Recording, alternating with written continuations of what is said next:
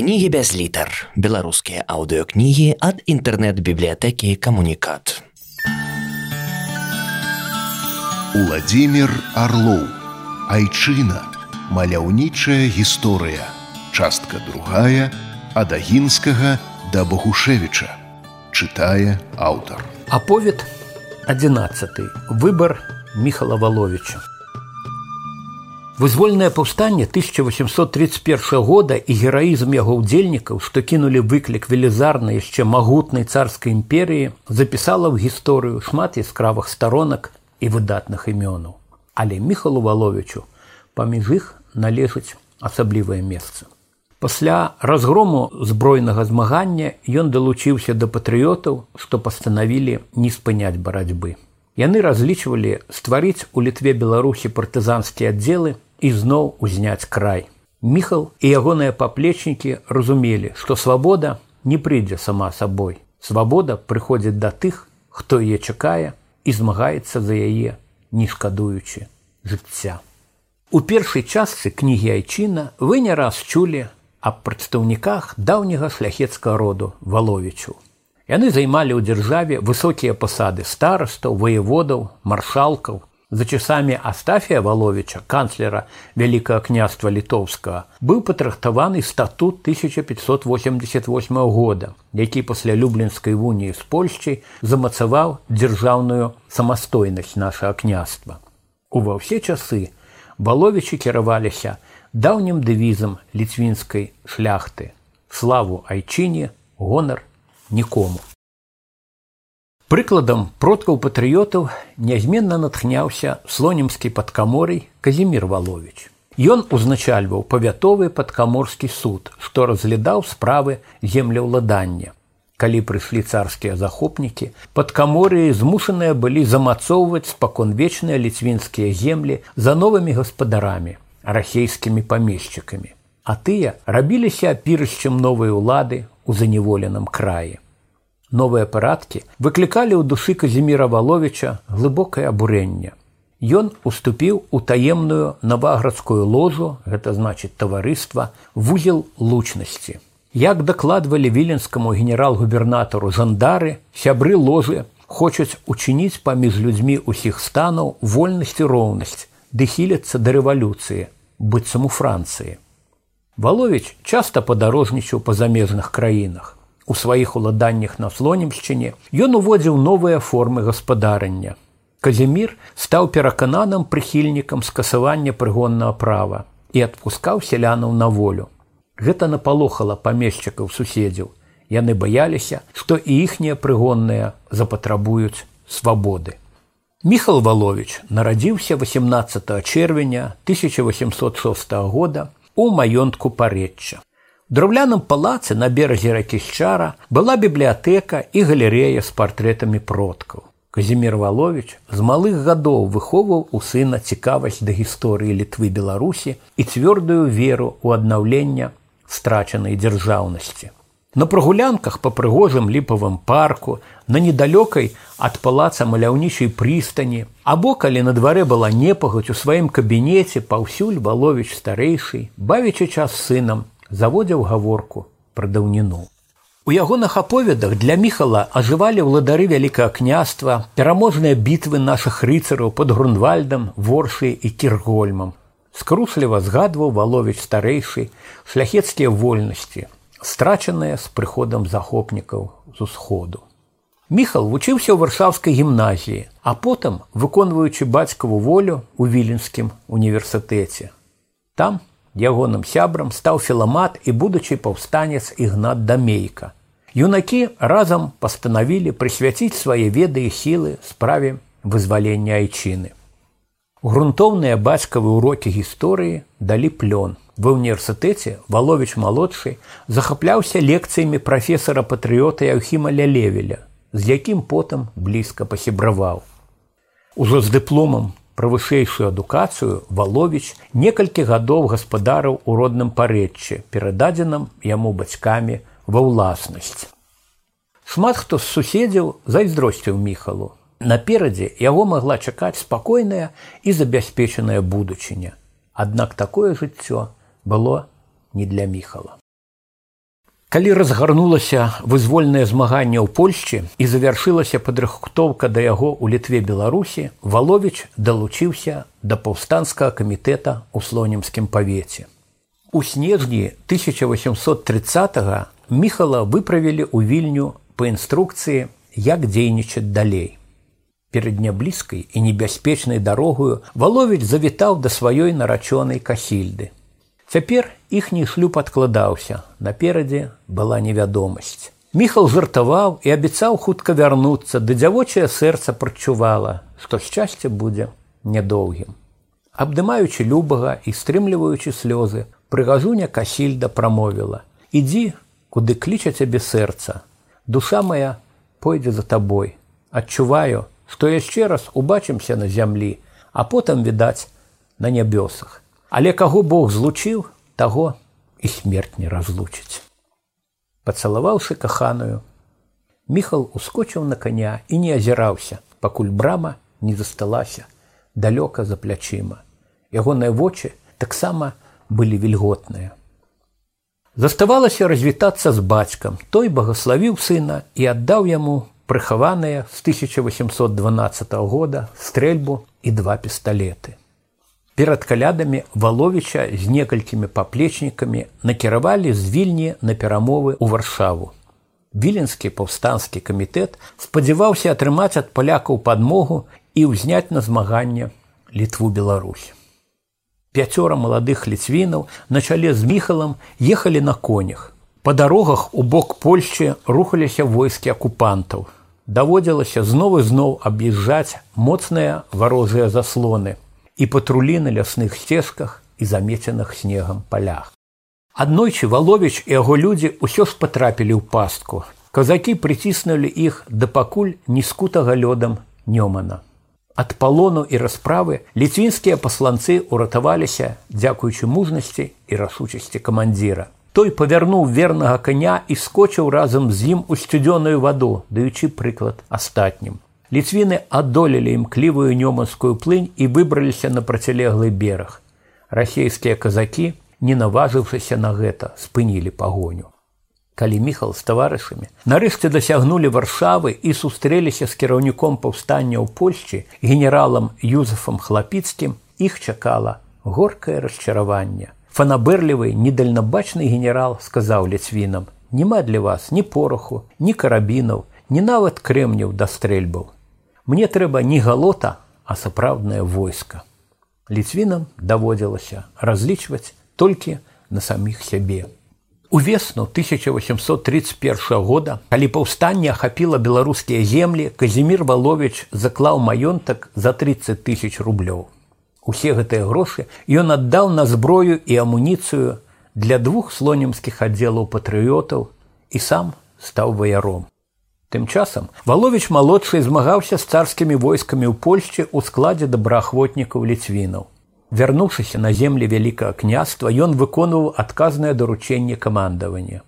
Паўстанцам па-ранейшаму не хапала зброі. Палякі пагадзіліся дапамагчы, адправіць зафрахтаваны англійскі карабель з узбраеннем у балтыйскі порт палангу. Міхалу Валовічу даручілі сустрэць і разгрузіць карабель. Калі Валовіч дасягнуў палангі, яе ўжо захапілі царскія войскі. Нашы пастанавілі ўзяць горад штурмам. Міхал зрабіўся сувязным на вакольных змагарскіх аддзелаў і некалькі дзён амаль не сыходзіў з каня. Падчас гераічнай бітвы за горад Валовіч быў у ліку тых, хто прабіўся да галоўных гарадскіх умацаванняў. Між тым да ворага падышлі вялікія свежыя сілы і паўстанцы мусілі адступіць. За той бой Валовічу надалі званне ротмістра, это значыць капітана кавалерыі і найвышэйшую васковую ўзнагароду ордан вертуце мілітары. Міхал уступіў польскі корпус генерала Гелгуда, што рухаўся на вільню. Загартаванага ў баях паўстанца прызначылі ад'ютантам аднаго з генералаў палякаў. Валовіч не хаваў ад камандзіраў незадавальнення тым, што замест імклівага маршу на колішнюю ліцвінскую сталіцу елгут бавіцца бясконцамі парадамі і балямі. Бясцэнны час быў згублены. Вораг падцягнуў да вільні падмацаванне і паўстанскі штурм не меў поспеху. Панарская бітва, пра якую вы чулі ў папярэднім аповедзе была прайграная. Нашы змагары з баямі адступалі. Аддзел валовіча перайшоў мяжу з прусіі і быў узяты пад варту. Аднак міхал не хацеў адслежвацца ў бяспецы, калі баявыя пабрацімы на радзіме пралівалі сваю кроў. Ён здолеў здабыць селянскую вопратку і ўцячы з-пад аховы прусакоў. Па дарозе ў Беларусь валовіча зноў арыштавалі і зняволілі ў тыльзіцкай турме. Прускае начальство прапанавала міхалу даць слова гонару, што надалей ён не будзе ладзіць уцёкаў і зноў брацца за зброю.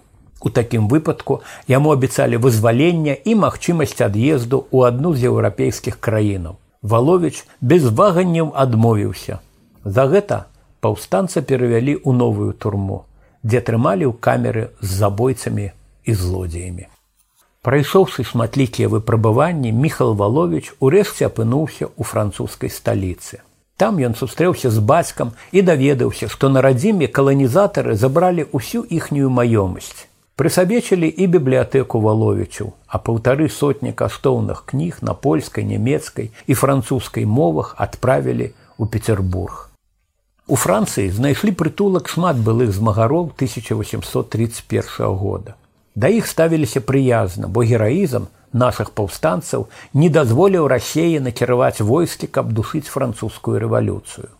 Колішнія выяры ліцвіны стварылі таварыства літоўскіх і рускіх земляў і пастанавілі працягваць барацьбу.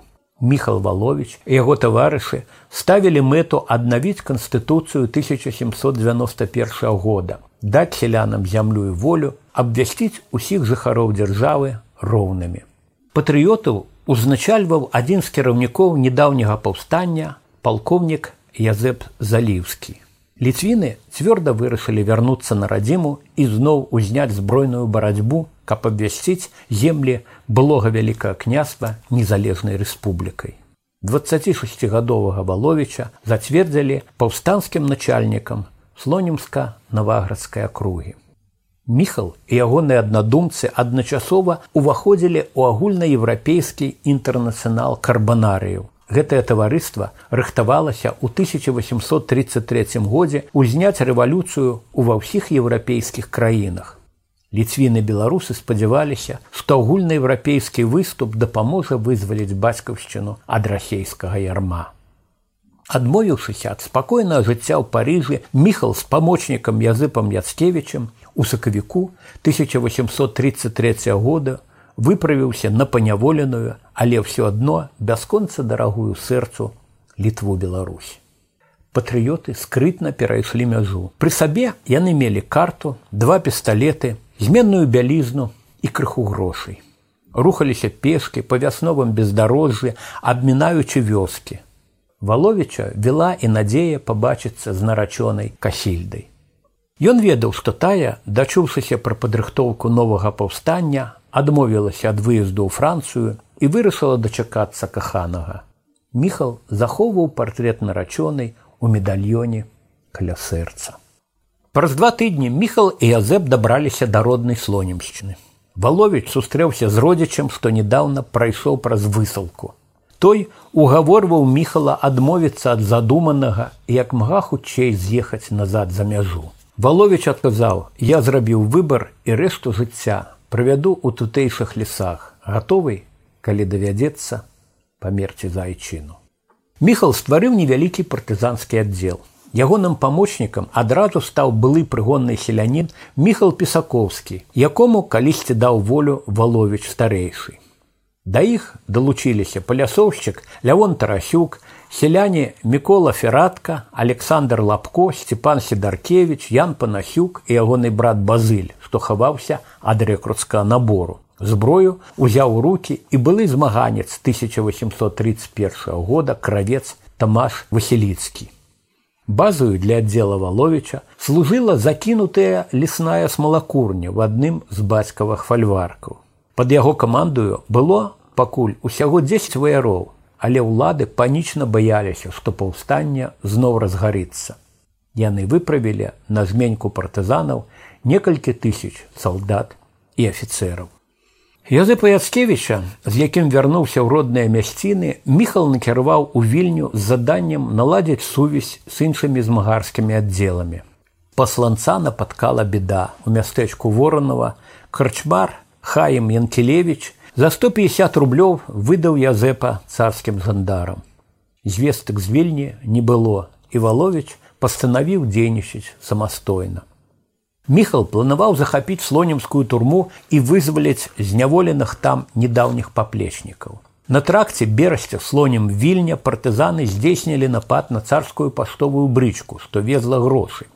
Гарадзенскі губернатар Михаил Мурав'ёў быў раз'ятраны і паслаў ува ўсе куткі слонімскага павета загад пра бязлітаснае пакаранне кожнаму, хто будзе дапамагаць партызанам. Аднак аблавы скончыліся нічым. Міхал Валович паспеў перавесці аддзел у наваградскія лясы. Асоба партызанскага камандзіра была невядомая ўладам, і ён мог бы змагацца яшчэ доўга, каб не здрада былога прыяцеля і сваяка шляхціча Яна Валовича. Той паведаміў пра колькасць змагароў ды іхняга камандзіра. Расейцы узнагародзілі здрадніка тысячи рублёў, а сваякі і суседзі вечнай пагардай. Карнікі разлічвалі хутка расправіцца з маленькім аддзелам міхала валовича ды іх чакала непрыемная навіна тры десяткі паўстанцаў са слонімскай турмы абяззброілі канвой і сышлі ў лес калі б яны злучыліся з партызанамі узнік бы моцны аддзел з цудоўным веданнем мясцовасці і падтрымкую з боку навакольнага насельніцтва каб не дапусціць гэтага улады перакінулі на гарадзеншчыну дадатковыя сілы зменьку змагароў высочвалі аж на 10 тысяч расейскіх салдат і афіцераў. Кальцо облавы сціскалася. Новыя новыя сутычкі з ворагамі прывялі да таго, што ў валовіча засталося ўсяго трое падначаленых, што наважыліся быць з камандзірам да канца. Партызаны хаваліся ў леснічоўках пад мастамі, у стагах сена. Расейскія патрулі ўсё ж змаглі выйсці на іх калі міхала спрабавалі схапіць ён параніў кінжалам двух ворагаў а потым каб не дацца жывым спрабаваў забіць сябе валовіча адправілі ў горадні да губернатара мурав'ёва падчас сустрэчы той паспрабаваў выклікаць у арыштанта давер пасадзіў яго побач сабой на канапу частаваў гарбатай абяцаў у абмен на шчырасць палегчыць прысуд. Убачыўшы што ўсе ягоныя хітрыкі марныя мурав'ёў накінуўся на вязня і стаў пляваць яму ў твар. Под наглядам аховы царскі сатрап збіў міхала так што той не мог самастойна ісці канвойныя прынеслі пакутнікаў камеру на руках. На допытах партызанскі камандзір трымаўся гераічна і не выдаў нікога з паплечнікаў баловіча прысудзілі да смерці загадам губернатора мурав'ёва 2 жніўня 1833 года на адным з гарадзенскіх пляцаў паставілі шыбеніцу і сагналі некалькі тысяч жыхароў. Ім абвясцілі што зараз будзе павешаны небяспечны злачынец тым часам да горадні ўвесь час просячы фурмана прыспешыць коней набліжалася міхалава маці мар'яна У Петербурзе нас здолела дабіцца аўдыенцыі з царом і дамаглася ад яго замены смяротнага пакарання для сына. Але калі пані Мар'яна сустрэлася з губернатарам мурав'ёвым, міхала уже дзве гадзіны не было ў жывых. Найхутчэй мурав'ёв гэтай кат літвы Беларусі даведаўся пра памілаванне і таму загадаў паскорыць кару. Под покрывам ночи солдаты перавезлі цела валовича у стары вапнавы кар'ер і кратком закапалі, каб ніхто не ведаў, дзе магіла змагара. Каланізатары баяліся яго нават мёртвага. Жорстка пакаралі і ўсіх баявых таварышаў партызанскага камандзіра. Іх асудзілі на сібірскую катаргу, турму або пажыццёвую салдацкую службу. Шчодра заплаціўшы царскім чыноўнікам маці валовіча даведалася, дзе ягоныя парэшкі. Іна перапахавала сына на беразе чары побач з родным парэччам. Колішні надмагільны помнік з белага мармуру золотымі літарамі не захаваўся. Не ацалеў да нашых дзён і яшчэ адзін помнік, усталяваны ў тридцатыя гады мінула стагоддзя на месцы захопу валовіча у палон. Аднак памяць пра героя жывая. На парецкіх кладах створаная сімвалічная магіла з крыжам, што стаяў некалі каля збудаванай валовічамі вуніяцкай царквы. Кожны год у дзень смерці валовіча тут збіраюцца навакольныя жыхары. аддаць яму даніну пашаны з усёй беларусі прыязджаюць палітыкі гісторыкі пісьменнікі і музыкі для вяртання імя міхала валовича сучаснікам шмат зроблена нашчадкамі ягоных баявых сяброў гарадзенскім краязнаўцам александром талерчыкам і гісторыкам васілём герахімчыкам. Іхнія мары пра вуліцы імя герояў парэччы слонямі і горадні абавязкова павінны ажыццявіцца. Калі-небудзь у горадні з'явіцца і помнік міхалу валовічу які аддаў жыццё за вольную будучыню айчыны